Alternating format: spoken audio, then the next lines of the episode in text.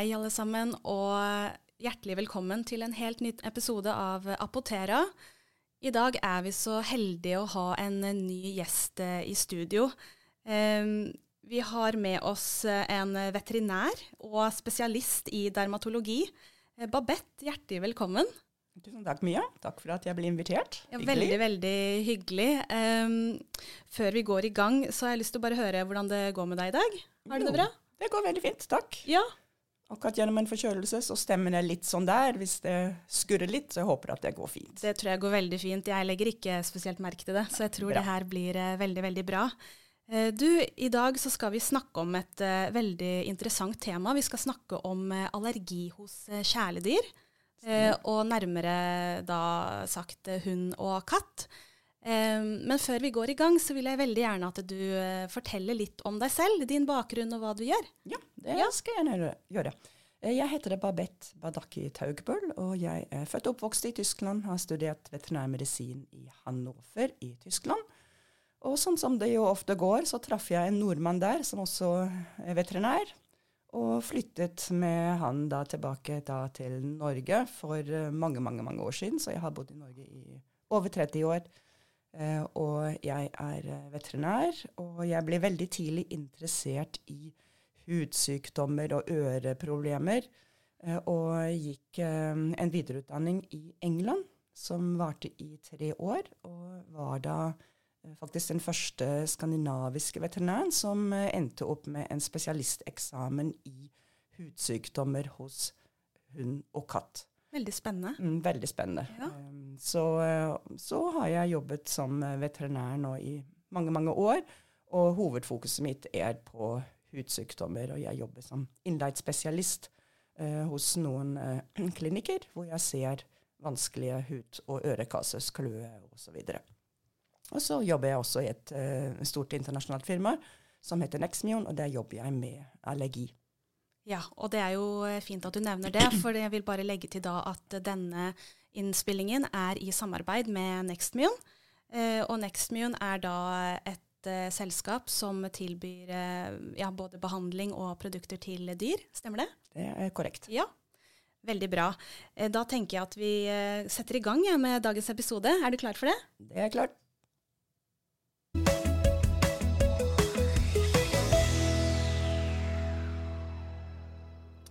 Ja, så som jeg nettopp nevnte, så skal vi snakke om allergi hos dyr, og spesielt fokus på hund og katt i dag. Eh, vi skal snakke om hva som kjennetegner allergi hos eh, dyr, hvordan diagnostiseringen foregår, eh, behandling, og også selvfølgelig noen gode råd eh, til alle dyreeiere der ute. Eh, og før vi går i gang med det, så tenker jeg vi nesten må få avklart litt dette her med allergier. Altså hva, hva er egentlig det? Vil du fortelle litt om det? Det skal jeg gjøre. Altså, allergi er en overreaksjon av kroppens immunsystem overfor stoffer som vanligvis er der, og som overhodet ikke er farlige.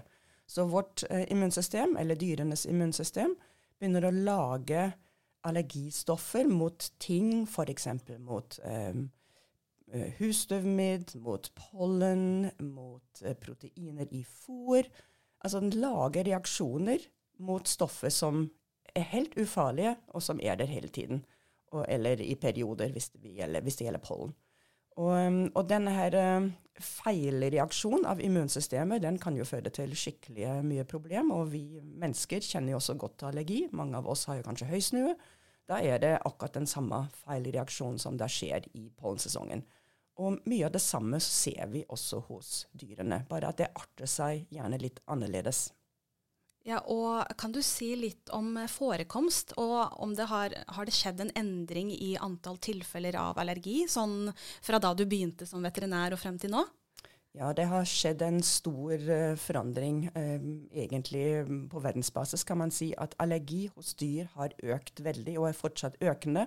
Akkurat som det er hos mennesker, og spesielt da i den, i den vestlige verden. Og ja. Det er veldig mange teorier som ligger bak om hvorfor det skjer. Eh, at det er eh, Vi har det kanskje for rent, og det er en såkalt miljøhypotese. Vi vasker altfor mye, kanskje vi har for mye prosessert mat. Altså Her er det veldig mange teorier ute og går. Og I tillegg så er det genetikk, altså det er en viss arvelighet i allergi. Eh, og, og, det, det, øker på. Og nå er det sånn at når det gjelder kjæledyrene våre, så må vi regne med at ett av fem kjæledyr kommer til å få en eller annen form for allergi i løpet av livet. Og det er jo det er jo ganske mange. Det er ganske mange. Det vil si at det er ganske mange eh, holdt på å si hundeeiere, mm. men ja, eh, kjæledyreiere som vil oppleve at uh, kjæledyret deres utvikler en allergi, eller at de har det fra da de får dem. Og det leder meg litt til det andre spørsmålet mitt. Er en allergi alltid medfødt, eller kan man utvikle det etter hvert? Man kan utvikle det etter hvert. Det er en viss genetikk i de fleste allergireaksjonene, spesielt når vi snakker om miljøallergi, altså dvs. Si at når man er allergisk mot ting i omgivelsene, som f.eks. husstøv eller pollen. Den allergien er eh, genetisk betinget. Eh, vi vet ikke så veldig mye om det når det gjelder fòrallergi, altså når man plutselig reagerer på ting som man har spist kanskje lenge, og så tåler man det ikke lenger. Om den også er genetisk, det finnes det ikke holdepunkter for i dag. Men den miljøallergien er uh, genetisk. Og så finnes det en allergi overfor bitt av insekter. Altså når man blir bitt av um, veps eller bi, så vet jo sikkert noen uh, at det kan være superfarlig for folk. Det er ikke så farlig som regel for dyrene våre, men de kan også reagere. Og spesielt hestene da kan reagere på bitt av knott. Det er kanskje noen som har hest, som har opplevd. Og det er det også en viss arvelighet ja, for det finnes jo sånne eh, hva skal jeg si, ulike typer midler man kan påføre ja, både hund og hest for å, for å unngå at uh, de skal bli stukket da, av, eller bitt av mygg og knott osv. Så, videre. ja. så det går, har jeg erfart, veldig mye av den type produkter. Det stemmer, det er helt korrekt. Mm. Ja. Så har man en hund eller en katt eller en hest som er veldig allergisk mot bitt av stikkende, bitende insekter, så må man jo passe på å gjøre alt man kan for å unngå at de blir stukket. Og da finnes det jo også produkter til det. Ja, det er uh, veldig fint, og det tror jeg de fleste kjenner til også, når de erfarer det med sine egne kjæledyr. Uh, du, har du lyst til å fortelle litt om typiske symptomer på, på en allergi? Altså det, det, må da være, hva skal jeg si, uh, mye forskjellig, eller? Ja, det er ganske mye forskjellig. Så ja. vi kan jo begynne med hund, da. Ja. Uh, og en hund den kan uh, egentlig utvikle uh, symptomer i form av kløe. Og det er vel det som er hovedsymptomet på allergi når det gjelder hund. Så de slikker seg, de biter seg, de klør seg i ørene rundt endetarmsåpningen, aker seg på rumpa, slikker seg i lysken, slikker seg på labbene. Det er sånne ganske typiske allergisymptomer når det gjelder hund. De kan også utvikle symptomer fra mage-tarmsystemet i form av veldig ofte avføring, kanskje mer enn en vanlig to til tre ganger om dagen avføring. Så har man en hund som bæsjer eh, fem-seks ganger om dagen, så bør man egentlig snakke med en veterinær om det, for det er ikke normalt. Men det kan ikke sant være en type fòrallergi, det siste du nevnte der, eller kan det også være et symptom på en allergi fra liksom, omgivelsene, det, det, med magetarm? Det med magetarm er som regel da en, et symptom på en allergi eller en reaksjon mot noe det dyret spiser. Ja, ja nettopp. Helt korrekt. Mm. Og du sier at uh, de symptomene du nevner nå er spesifikt for hund. Betyr det at det er annerledes hos katt? Ja, ja, korrekt. Det er litt annerledes hos katt. Hos katt er det mye mindre Eh, dokumentert eller mindre vitenskapelig undersøkt. Altså, vi har jo ganske bra viten på, på, på, katt også i dag, men ikke i samme tilstrekning som eh, for, for hund. Da er det gjort masse, masse, masse flere studier. Men på katter så er det som regel slik at de kattene har også kløe, men en katt som klør, den klør ikke akkurat som en hund. En katt som klør, den kan f.eks. slikke av seg veldig mye pels på innsiden av låra, på baksiden av lårene, på mm, andre steder på kroppen, oppe på ryggen, der hvor den kommer til. Så at man får sånne kale flekker. Eh, som, eh, og ofte er det sånn at eier faktisk ikke ser at den katten driver med dette selv. Så jeg har opplevd mange ganger at en eier kommer til meg som veterinær og sier at den katten mister pels, og det må være noe hormonell sykdom på denne her. Ja. Og så finnes det en ganske enkel undersøkelse veterinæren kan gjøre for å faktisk påvise at det er katten som river av seg, slikker av seg pelsen. Og de kattene de setter seg gjerne bakom sofaen eller gjør dette her, det her når vi ikke observerer dem. Så det er den ene mm. biten. Så den eh, på en måte pelsavslikking eller pelstap som eier kan se. Og så er det andre symptomer, som f.eks. små um, røde skorper, ofte på ryggen, som man gjerne kjenner med fingrene. Det kan være litt større områder som vi kaller sånne plaks, altså litt eh, hovne hudområder enkelte steder hvor katten slikker seg mye. Hvordan ser det ut da? Ja, Det ser ut som sånne røde, litt sånne um, større flekker som kan være opptil en kronestor flekk, ja. som er litt sånn forhøyet på huden, kan være litt rød i fargen. Og så er det katten stadig på den og slikker. Vi kaller det for et eosinofilt granulom. Ja. Eh, så kan det være veldig mye kløe rundt hodet og ørene med utslett, skorper, altså hvor katten virkelig river av seg eh, både hud og pels eh, rundt hodet og nakke. kan være fryktelig intens kløe, og det kan også være tegn på en allergi. Uff, det høres virkelig ikke noe bra ut. Nei, det er ikke noe trivelig. Og i tillegg så kan katter få symptomer fra luftveiene, akkurat som vi mennesker eh, viser at de kan få astmalignende symptomer som, eh, med, med, med, grunnlag på en allergi. Da. Men kan man som dyreeier merke det, da? Det siste du nevner der? Altså Vil de kunne vise noen symptomer på det? De, ja, de viser absolutt symptomer på astma. De viser det i form av uh, nysing, hoste, problem med pusting ganske tydelige symptomer ifra både øvre og nedre luftveier. Så, uh, kan, eh, kan, det også være et symptom på noe annet forbigående, som ikke er noe farlig? Jeg bare tenker Som, eh, som dyreeier, når bør man tenke at det her er noe man bør få undersøkt? Altså Har man en katt som har skikkelig luftveisproblem, så bør man jo oppsøke en veterinær. Og veterinæren vil ta prøver for å vise om dette her er en bakterieinfeksjon, kanskje noe virus eller eventuelt noe underliggende allergi. For det er jo viktig at det er veterinæren som gjør utredningsgangen. fordi vi kan liksom ikke bare ta en eller annen hurtig test for å påvise en allergi. Det er en ganske omfattende utredning som må gjøres. Ja, og Det leder oss videre til neste punkt her, som handler om dette med diagnostisering. For det um, ja, det var egentlig det jeg skulle spørre om. Er det bare å ta en enkel test for å avle, uh, avdekke en allergi? Ja, det hadde vært kjempefint om vi bare kunne hatt det. Men ja. dessverre så er allergi en form for en utelukkelsesdiagnose. Og det er fordi at mange andre sykdommer kan føre til akkurat de samme symptomene. Hvis vi tenker oss at en katt har f.eks. øremidd. Eh, det er en liten parasitt som sitter i øregangen. Det er ganske vanlig hos mange katter. Og det er klart, altså, Hvis du tenker deg at du har noen som kryper rundt ørene dine, så gir jo det masse kløe rundt ørene og hodet. Og da vil jo den katten klø. Og som jeg sa i stad, så kan kløe rundt ører og hode være et allergisymptom. Men mye mer vanlig er det jo at den katten kanskje har øremidd. Så det første som veterinæren alltid gjør når det gjelder kløende problemer hos både hund og katt, det er at vi leter etter parasitter. Altså parasitter som sitter utvortes, som øremidd, skabb, lopper, pelsmidd, Altså alle de her uh, forskjellige parasittene disse dyrene kan ha. Altså det, Enten så finner vi de, så behandler vi de, og finner vi dem ikke, men har vi en sterk mistanke at det kan være parasitter inne i bildet her, så vil vi skrive ut en behandling mot parasitter. Så vi er helt sikre på at vi utelukker muligheten for at dyret kan være infisert med parasitter som kan være årsaken til kløen. Ja. For det er kanskje det er vanlig, det også? Det, det, er det, det, som sier. Mm. det er ganske vanlig. Altså, ja. Tenk på jakthunder. De har jo ofte kontakt med rev, og de kan ha skabb. Ja. Uh, så, så, alle de her tingene må utelukkes. Vi lever jo her i, i hvert fall her i Oslo-området, hvor, hvor, vi sitter nå. Mm. Så er det jo ikke noe veldig mye lopper innomhus. Eller så er det jo loppebittallergi. En ganske vanlig kløende allergisykdom i mange deler av verden. Altså trenger ikke noe lenger enn sør for Hjørteborg.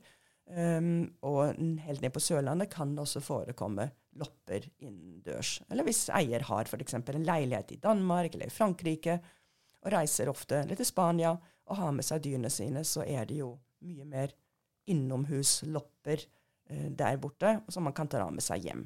Ja. Så det er jo viktig at vi utelukker at det ikke er noe sånt, og det er veterinærene fullstendig klar over, så det hører med til denne parasittbehandlingsdelen. Uh, ja, så hører dere at uh, uh, dyreeier har reist nylig med kjæledyret, og så har de fått et nytt symptom, så, mm. så, kan det skyldes noe sånt. Og da vil Absolutt. man uh, sjekke opp det også. Det sjekker vi opp. Mm. Og, så det var jo den første. Så den første er parasittene. Mm. Og den andre store gruppen som veterinæren må utelukke, det er infeksjoner i huden. Og det um, fins det jo både primærinfeksjoner, altså at f.eks. En, en hund eller en katt har blitt bitt av en annen, et annet dyr og så fått en bakterieinfeksjon i et sår, og klør og slikker på det pga. at det er en bakterieinfeksjon. Så veterinærene sjekker det, tar prøver, ser i mikroskopet, ser om de finner bakterier, og så blir det da satt i gang en behandling mot det. Og så tar man den, det dyret til kontroll etter en to ukers tid f.eks. og ser om infeksjonen da er borte. Eh, og hvis kløen er borte, så er det jo flott. Det er fint. Da er, ja. vi, vi i mål. Ja. Og hvis dyret fortsetter med kløen, så må vi lete videre. Og det samme gjelder uh, oppvekst av sopp, spesielt gjærsopp, både i ørene og på huden. Det er veldig ofte sekundært til et underliggende annet problem, og ofte til et underliggende allergiproblem.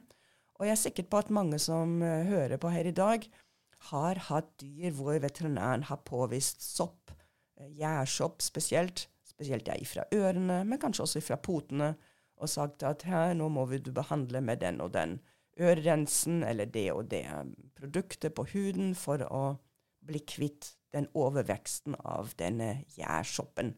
Så da må, gjør eieren det, og så kommer man tilbake til en kontroll igjen etter en to ukers tid, så veterinæren sjekker igjen huden, ørene, med en liten prøve i mikroskopet for å påvise om soppen er borte. Og er soppen borte, og er kløen helt borte, så er det fint. Eh, men hvis soppen er borte, og kløen vedvarer, så må vi gå videre. Ja, da mistenker man at det er noe ja, mer da, enn det. Mm. Og da mistenker, da har vi på en måte utelukket parasitter, vi har utelukket infeksjoner som grunn for kløen. Og da er vi over i den største neste gruppen av diagnoser, som heter allergi.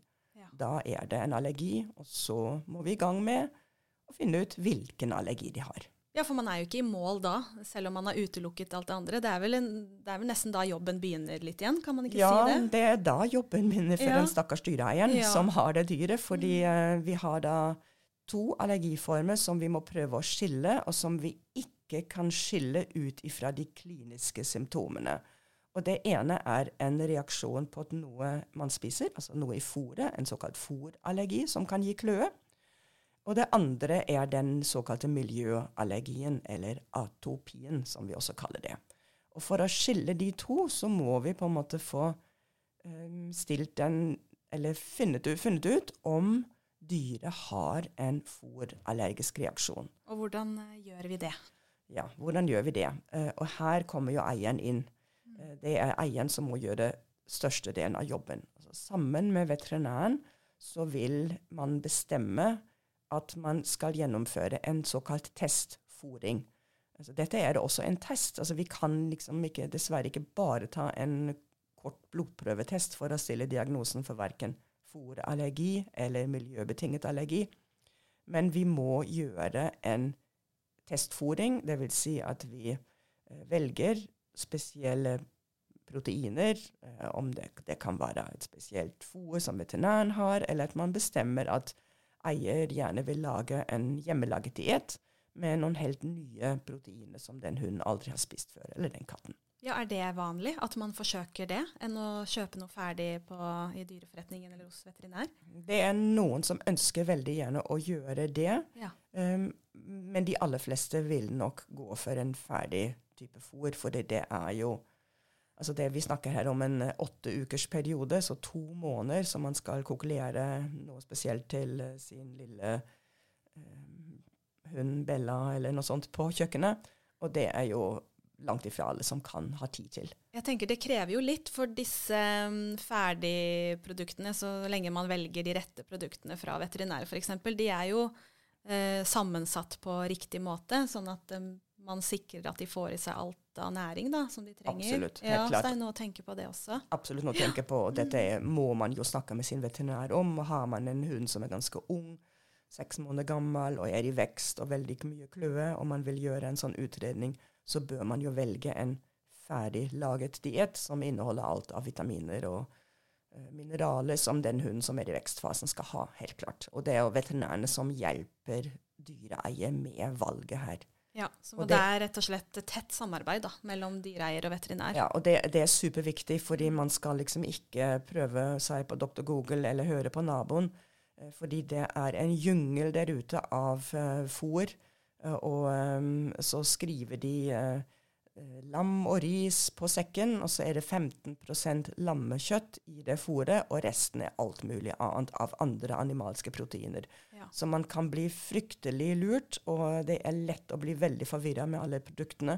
Så snakk med deres eh, veterinær, de kan dette her. Ja, men det er veldig fint at du poengterer det, for jeg tenker det er veldig naturlig. Selv jeg personlig også googler eh, hvis det er ting man lurer på. Men eh, til syvende og sist så er det ikke der man bør eh, finne svarene man leter etter når det gjelder kjæledyr og behandling og allergier osv. Da bør man rett og slett snakke med fagpersoner. Man bør snakke med fagpersoner, helt mm. klart, for dette her er, det er et ganske vanskelig tema. Ja, veldig omfattende. Og jeg kjenner jo at vi kunne snakket om det her veldig, veldig lenge. Du, jeg har lagt til et lite stikkord her, om du vil forklare litt kort om det. Immunterapi, hvordan henger det sammen eh, i dette med allergi? Ja, OK. Eh, det kan vi snakke om. Men um, før vi snakker om det, så tror jeg vi må snakke litt om at vi stiller den andre diagnosen, som det heter miljøbetinget allergi, hvor immunterapi kommer inn som en behandling. Så etter at vi har gjennomført en såkalt testforingsperiode, eh, og hunden har eh, kanskje forhåpningsvis blitt bedre, så gjør man en såkalt julebordprovokasjon. Dvs. Si at man gir tilbake alle mulige tingene den hunden eller katten har spist før. Ja, hva, hva, var det du sa? Juleprovokasjon? Julebord. julebord. Ja, jeg kaller det for julebord, for ja, da kan vi få lov til å gi alt vi vil. Ja. Opptil to uker. Og hvis, hvis styret da får tilbake noen av de symptomene, så tror vi jo at noe i det fôret er årsaken. Og Så begynner den uh, nytidige jobben med å gå tilbake til sin diett, og så tester man én og én proteinkilde for å kunne finne ut ja, er det kylling den reagerer på, er det storfekjøtt en reagerer på, eller, eller, fisk, eller hva er det, er det egg, eller hva er det? Mm. Så la oss si at vi har gjort alt det, og vi har um, funnet ut at nei, eh, denne hunden her har ingen fôrallergi. Uh, eller bare deler av kløen blir bedre med fôr, så har den per definisjon den andre allergiformen hvis den fortsetter å klø, og den heter derfor atopisk dermatitt. Eller ja. allergi overfor ting i miljøet. Uh, og da er det, det Dette er da en diagnose som stilles hos veterinæren med denne utelukkelsesprosessen som vi har snakket om her i dag. Så det er ingen diagnose som vi stiller ved hjelp av en test. Men vi kan ta en test etter at vi har stilt diagnosen, for å kunne se hvilke type allergener, altså hvilke type stoffer, er det kroppen reagerer eller lager såkalt IGE-antistoffer imot. Og det gjør vi ved å ta en blodprøvetest.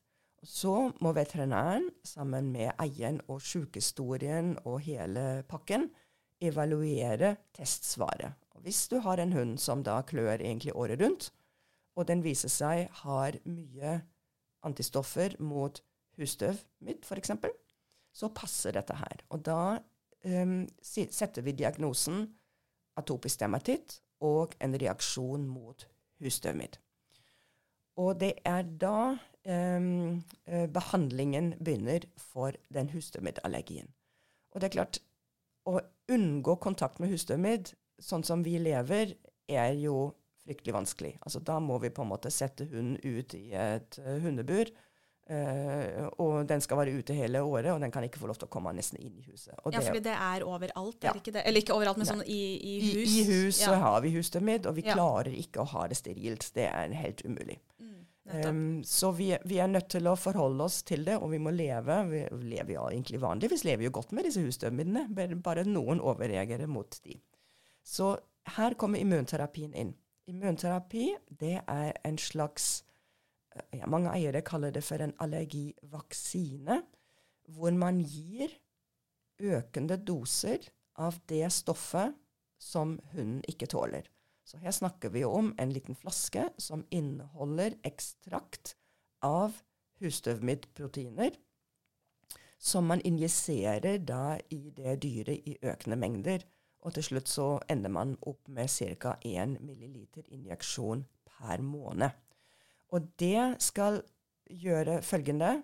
eh, ved å bombardere immunsystemet hele tiden med eh, mengder injisert i kroppen av den husstøvmiddelen, så skal immunsystemet lære seg at dette her, her er ikke noe å være redd for. Dette er ikke farlig.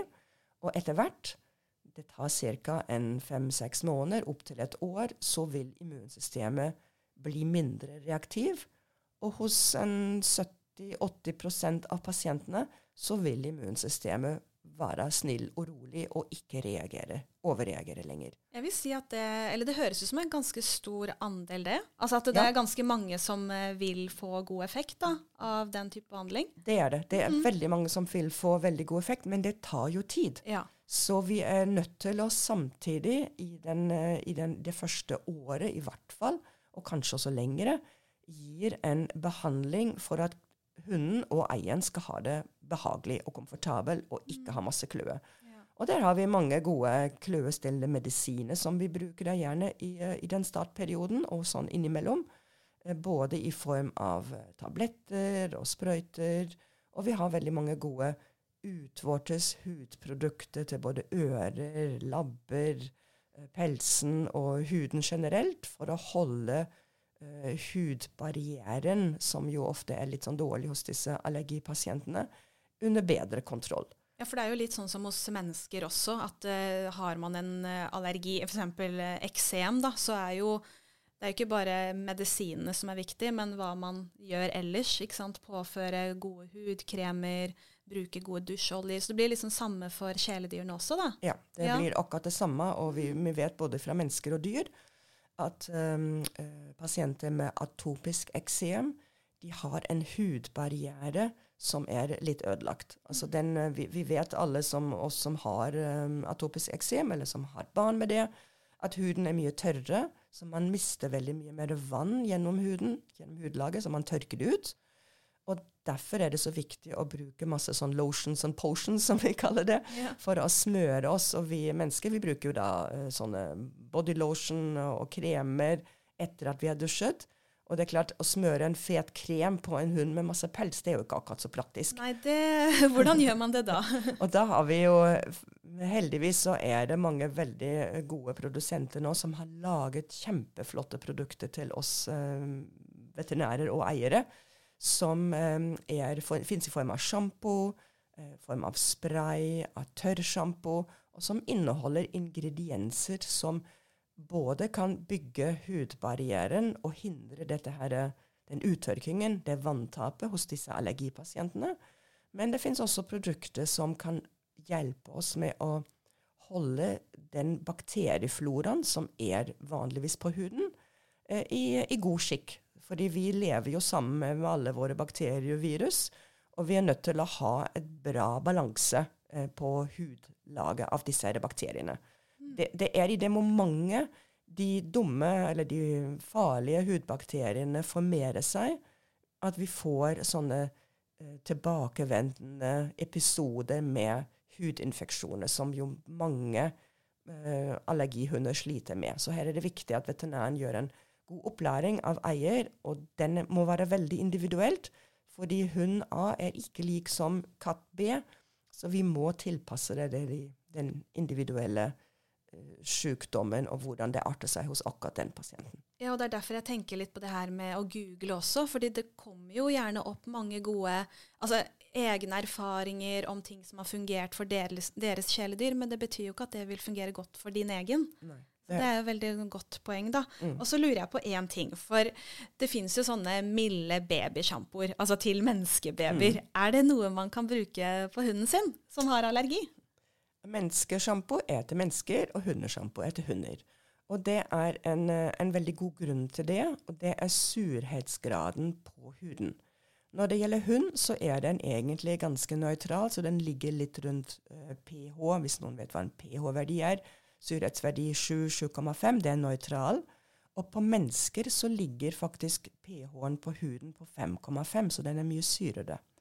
Det er jo litt forskjell, da. Så det er forskjell. Ja. Og Mm. menneskesjampo og menneskeprodukter er rettet mot at det skal passe til menneskenes surhetsgrad, eller sureverdien på huden. Og de hundeproduktene og katteproduktene de er rettet mot at det skal passe til dyrene. Så det er veldig viktig at vi Eh, altså det, jeg har ingenting imot en, en, fin babyolje, men da skal jeg bruke det til eh, barnebarna mine. Men uh, ikke til min hund. Ja, men det er veldig, veldig, fint at du er tydelig på det, for da får vi jo liksom avklart det. Ja. For jeg, jeg, jeg, også husker når jeg Nå har ikke jeg hund lenger, men jeg har hatt hund og oppvokst med hund. Og jeg husker jeg tenkte det en gang i tiden at ja, men babysjampo det må da fungere like godt. Uh, ja. Men da vet vi det at det, det, bør man helst skille på, da. Ja, man bør skille på det. Og, og, og snakk med din veterinær. og når dere, hvis dere vil absolutt google noen ting, så googler i hvert fall på gode hundehudprodukter, og ikke på, på, menneskeprodukter når det gjelder eh, allergipasientene. Veldig, veldig bra. Um, vi har snakket om veldig mye nå. Masse god uh, informasjon, uh, Babette. Um, jeg har lyst til å gå litt videre til Eller rett og slett for å oppsummere litt, grann, da. Um, hvis man nå er en dyreeier som hører på dette her og tenker at hm, jeg lurer på om eh, min hund eller katt, eller kanin for den saks skyld, eh, kanskje har en allergi, hva råder du dem til å gjøre da, først og fremst? Altså jeg råder alle til å ta kontakt med fagfolk. Altså enten uh, kontakte en uh, veterinær online, det finnes jo mange gode online-tjenester i dag, som et sånt første steg, og snakke litt med, med, en fagperson der, og få en vurdering om dette er noe som man bør gå videre med til sin klinikk. Og har man en, en, en fast veterinær som man bruker, og man skal uansett dit for en vaksine eller andre ting, for forense tenner f.eks., så sett gjerne opp, eller si fra til resepsjon at du også har en hund som har hatt mye problemer med ørene eller klørne, at du lurer litt på det, så at veterinæren avsetter litt mer tid til å snakke med deg om det, og se, ta en, en kontroll. Og så må du regne med at, en, um, at uh, det vil ikke bli tatt noen allergitest første gang du kommer inn. Men veterinæren vil utelukke de andre, egentlig mer vanlige årsakene først. Så smør deg med litt tålmodighet.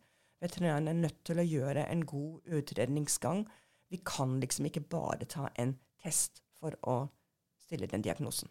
Nei, og det, nå har jo du allerede gått gjennom veldig sånn steg for steg om hvordan dette fungerer. Og jeg tenker også sånn umiddelbart, hvis man bare hadde gjort en sånn enkelttest, tenk på alt annet man kanskje hadde gått glipp av. Altså Hvis det hadde vært snakk om en parasitt eller andre typer ting, så fanger man jo ikke opp det ved å bare ta en sånn enkel eh, snarvei. Nei, det gjør man ikke. Og hvis man f.eks. tenker seg at man har en hund som har skabb, eller en uh, katt som har øremidd, og man tar en sånn type IGE-test av et slikt dyr, så vil man få kjempeutslag mot midd.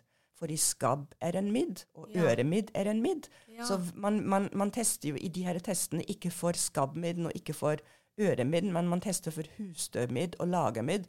Og de kommer til å komme opp i tusentall på en sånn test hvis dyret har et eh, parasittproblem med en skabb eller en øremidd. Ja. Og det, ja. Da blir jo det en feil diagnose. Altså, ja. Da sitter man der med et papir som sier at min hund har husstøvmiddelallergi, og så har han egentlig skabb. Og det hadde jo vært fryktelig synd å dra i gang med immunterapi og hele pakka, og så hadde det løst seg ved å bare gi tre ganger en behandling mot parasitten. Ja, for det er jo noe, det er jo bare en sånn slags kur, ja. på en måte, og så er du ferdig med det. Da er du ferdig med det. Mm. Så, så, ikke hopp over noen steg, og veterinærene de kan jo det her, det her. Ja. Men noen eiere kan jo bli litt utålmodige, og det forstår jeg godt. Men, eh, men, men, men hør på deres veterinær. Det er en grunn hvorfor de gjør de utredningene. Og en annen ting som man også tenke, skal tenke på, er å um, Kanskje man er litt misfornøyd første gang man er, og så tror man endelig ennå ikke fått noen diagnose, og så hopper man til neste og til tredje kollega. Og alle kollegene er opplært til å ta den utredningsgangen, så neste veterinær og tredje veterinær de kommer til å begynne fra scratch igjen. Så, så, så i hvert fall eh, er du ikke helt fornøyd med den veterinæren som har gjort første utredningen, så ta i hvert fall med deg journal og vis hva som er gjort, så at man slipper å gjøre alt dobbelt og trippelt, for det, det koster jo både penger og, og gir til slutt veldig mye frustrasjon overalt. Ja, men jeg forstår jo veldig godt at man som dyreeier bare vil ha et raskt svar, så det det, det, er jo ikke enkelt, det her. da, og Etter vi nå har snakket om det her, så forstår jeg jo selv hvor omfattende prosessen kan, kan være. Men det er noe med å, ja, at man uh, viser forståelse begge veier, da, tenker jeg. Det er det. Men, mm. men dyret skal jo ha det godt. Absolutt. Så hvis du våkner om natten av at din hund eller katt klør hele tiden, så er ikke det sånn det skal være. Nei. Da skal du få god kløestillende medisin, som vi har veldig mange forskjellige slag av nå, av din veterinær. Ja, for det er noen man da kan bruke i, altså mens man holder på, da, og diagnostisere. At Ja. man får noe som lindrer der og da. Ja, Man Ja. skal alltid få kløstillende medisin samtidig som utredningen gjøres. Det er jo veldig godt å vite det, at Mm. man har noe som kan, kan hjelpe midlertidig. Dyra skal ha det bra, Absolutt. og eieren også. Ja, ikke minst. Uh, har hun Altså har uh, altså, Det går jo selvfølgelig utover dyreeier hvis ikke kjæledyrene deres har det Ja, bra. det Det, vet jeg alt om. Så det er jo, og det erfarer sikkert du også uh, i din praksis. Det er, det er fryktelig frustrerende å ha et dyr som klør, akkurat som det er som har et barn som har atopisk eksem som klør mye. Det er en, en stor psykisk belastning for eierne. Så vi må ha mye empati med eierne som har slike dyr. Ja. Da har jeg et nytt spørsmål til deg her, og det er om det er noe forskjell på om det er renrase eller blandingsrase når det gjelder måte, risikoen for å få en allergi. Ja, Det der spørsmålet det får jeg hele tiden. Babette, hvilken hund skal jeg kjøpe meg neste gang? Ja, Og hva svarer du da? Eh, Da svarer jeg dessverre så er det ikke så enkelt. Altså, det er jo en, en viss genetikk med inn i bildet, um, men eh, det er veldig mange andre faktorer som spiller inn også. Eh, til, um, til oppdrettere vil jeg si at vær så snill å avle på de hundene som ikke har allergisymptomer. Det skal jo være egentlig første, første prioritet. Um, men sjøl om man har to foreldre som aldri har vist tegn på kløe, så kan man få avkom, altså valper, som kan ha eh, allergi. Så det er ikke så, dessverre ikke så svart-hvitt, og vi har ingen gentester vi kan ta. Og, det kommer ikke til å være noen gentester de neste 100 år, tror jeg, når det Nei. gjelder dyra. Det er, det er ikke så enkelt. Eh, Men, men, men ellers så, så syns jeg man, man skal velge eh, dyr i forhold til Man skal sette seg godt inn i hva slags rase det er. Eh, Hvor mye stell med pels, og hvor mye mosjon og alt det her det trenger. Hva slags type hund eller katt man, man får seg. Og hele familien må selvsagt være med. For det er jo et stort ansvar å ha et dyr, og det skal man ha i veldig mange år framover.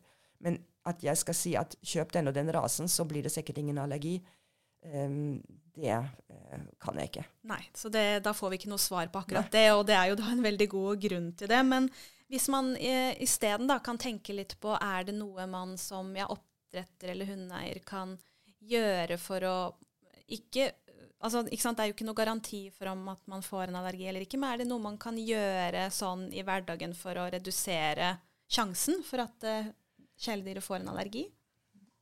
Ja, Hovedansvaret ligger jo egentlig hos oppdretteren. Eh, ta at de velger ut de riktige foreldrene. Og så Altså, vi mangler ganske mye forskning, men eh, mye snakk er det om såkalt mikrobiom. Dvs. Si, altså bakterie-virussamsetning i både mage-tarmsystemet og på huden.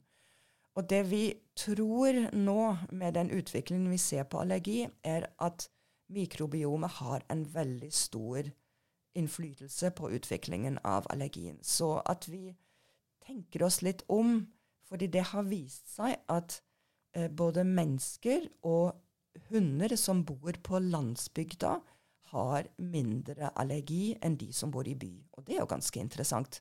Så kan man tenke seg hvorfor er det slik, og forskerne tror at det har med det å gjøre at bor man på landet, så er man i kontakt med veldig mange dyr. Man er i kontakt i veldig mange forskjellige bakterier og virus, mye mer generelt møkkete miljø, kan du si. Og det er faktisk bra for oss. Altså det, det er sånn vi egentlig for tusenvis av år har levd. Sammen med dyrene våre, sammen med jord og andre ting. Så Ja, det var vel ikke mye som var sterilt for eh, Nei. 200 år siden. Nei, det var det helt sikkert ikke. Nei.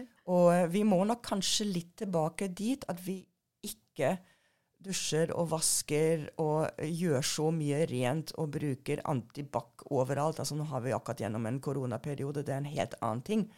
Så um, nei, når det gjelder dette med at når man bor på landet, så har man jo mye mer kontakt med dyr og bakterier og jord, og det er faktisk bra for oss. Så det har jo vist seg at um, eh, vår bakterie- og virus- eh, mikrobiom, både i tarmen og på huden, er veldig, har veldig, altså veldig, stor, veldig stor innflytelse på det fra omgivelsene våre. Både de, alle de menneskene og dyrene vi omgås, og, og, generelt det vi bor, og hvordan vi vasker og steller og alt. Ja, Så det skal rett og slett være en balanse. Man skal jo selvfølgelig skal, Man skal vaske seg på hendene, og man bør vaske dyrene hvis det er veldig møkkete, men det, det må ikke bli for mye av det. Det ja. ikke, må ikke bli til at man dusjer de tre ganger om dagen for å holde de rene og fri for uh, Ja. Mm. Uh, da, da, blir det fort, da kan det ja. fort gå feil vei, da. Det kan gå feil vei, ja. og man, man, man, forstyrrer jo mikrobiomet hver gang man dusjer og bader. Også. Mm. Altså, jeg dusjer også en gang om dagen, men det er jo ikke, egentlig ikke nødvendig. Uh, og har man, uh, har man, et dyr med et allergiproblem hvor huden, hudbarrieren, er genetisk på en måte litt sånn ødelagt, så skal jo det dyret bades med spesialsjampo, kanskje én eller to ganger i uken. Men da er det snakk om den badebehandlingen for å reparere den skadede hudbarrieren. Det er egentlig ikke gjort for å, bare for å vaske bort masse møkk. Nei, Så da er det en sånn spesiell er Den er satt sammen på en spesiell ja, måte, da. Mm. da. da. er det en del av behandlingen. Mm. Men når vi tenker på at uh, vi har uh, valper hjemme, eller noe sånt, så, så, bør vi helst la de få være litt eh, rundt omkring i møkk, og ikke ha det altfor rent. Og det gjelder både, det gjelder både barna våre og dyra våre, at vi er, vi er litt for um, opptatt av at de hele tiden skal være rene og pene og vasket her og der. Så, ja, det er jo det man uh, blir lært opp til, og det er jo på mange måter riktig det, at man skal vaske seg før man skal spise mat og også disse tingene der, da. Men at uh, ja, rett og slett, det må ikke bli for mye, for mye der heller. Altså, Selvfølgelig skal man vaske seg på ja, hendene, men sånn at ikke man vasker seg hele tiden, da, hele dagen. Nei, man trenger ikke det. og det er også litt interessant når det gjelder eh, skal man ha dyr i senga. Så mange har jo sine kjæledyr i, i, eh, med seg i senga, og jeg tror ca. 80% av mine kunder har stort sett hunder jeg ser, har hundene sine i senga. Ja, jeg skulle til å spørre om det. Hvor mange? Ja, det er ganske ja, mange. 80% Det er mange, og ja. det er nesten alle. Og, det, mm. og, jeg forstår det veldig godt, altså, at man ønsker det. Og da er det jo den derre Um, ja, OK. I, I, senga har vi jo litt mer husstøvmidd. Så har jeg en hund som har husstøvmiddallergi, så bør jo den egentlig ikke være på soverommet. Så det, det vet jo veldig mange eiere av disse hundene. Heldigvis så finnes det um, uh, miljøspray som vi kan bruke for å da minske kontakten med husstøvmiddsallergene som man kan bruke i seng og madrasser. Ja. Og så er det jo egentlig slik at når det gjelder vår egen allergiutvikling, altså når det gjelder barna våre og oss sjøl, eh, hvis vi ikke har en dundrende eh, hundehårallergi eller kattehårallergi, så er det faktisk bra for oss at vi deler seng med dyrene våre. For da har vi dette med at vi veksler, utveksler mikrobiomet. Og man har vist at uh, folk som har veldig tett kontakt med dyrene sine, faktisk har mindre allergi enn de som ikke gjør det. Så, så, så, her går det litt sånn begge veier. Men det er jo kanskje på mange måter veldig godt å høre, da. At det ja. er ikke i utgangspunktet noe eh, i veien for å dele seng med kjæledyrene sine, hvis det er noe man virkelig ønsker å, å, å trives med det. Ja, det, mm. det, det, kan man, det, kan man, gjøre. Og det kan være, det kan være bra for å minske allergiutviklingen på på oss mennesker. Ja, hele familien rett og slett. Ja. Blir litt bedre rusta. Ja. ja. Veldig bra, Babette. Vi har gått gjennom eh, veldig mye nyttig her i dag. Jeg syns du har forklart uh, utrolig sånn uh, godt og, og, lett å forstå, og gitt veldig sånn konkrete eksempler på dette med symptomer som dyreeiere skal være obs på seter, som jeg tenker er kjempefint. fordi dette med allergi, det er du har kommet med mange eksempler i dag på hva som kan være et symptom på en allergi. Ting jeg ikke har tenkt over selv, selv om jeg har hatt, uh, hatt dyr uh, selv. Så det er veldig, veldig fint. Og Eh, som sagt, Vi kunne snakket veldig mye mer om det her, og jeg tenker at hvis du som hører på har noen spørsmål eh, til tematikken, så er det jo bare å sende en henvendelse til oss, så skal vi svare så godt vi kan. Kanskje vi får litt hjelp av Babette også til akkurat det. Uh, og jeg bare vet at det er veldig mange flere ting vi kunne snakke om i dag, f.eks. dette med eh, sånne omega-3-tilskudd, for det er jo også kan være kobla opp mot dette med allergier. Men vi har rett og slett ikke tid til det i dag, så det får bli ved en eh, annen anledning. Så jeg vet ikke om det er noe du har lyst til å legge til sånn helt til slutt, ja, til de som hører på om dette temaet i dag? Jeg tenker at um, se godt på dyra deres. Uh, det er dere som kjenner symptombildet på deres hunder og katter. Oppdager dere at her er det noe unormalt i forbindelse med enten kløing eller mage-time-problematikk, så ta kontakt med, med, en veterinær og diskuter det. Uh, heller det enn å snakke med, bare med naboen eller med dr. Google. veldig bra. Det syns jeg var en veldig fin oppsummering. Da vil jeg bare si tusen hjertelig takk for at du kom til oss i dag og delte all din kunnskap. Det var veldig, veldig nyttig og interessant. Tusen takk, Mia, og tusen takk til Apotera at jeg fikk komme hit. Og tusen takk til deg som hørte på. Ha en fin dag videre.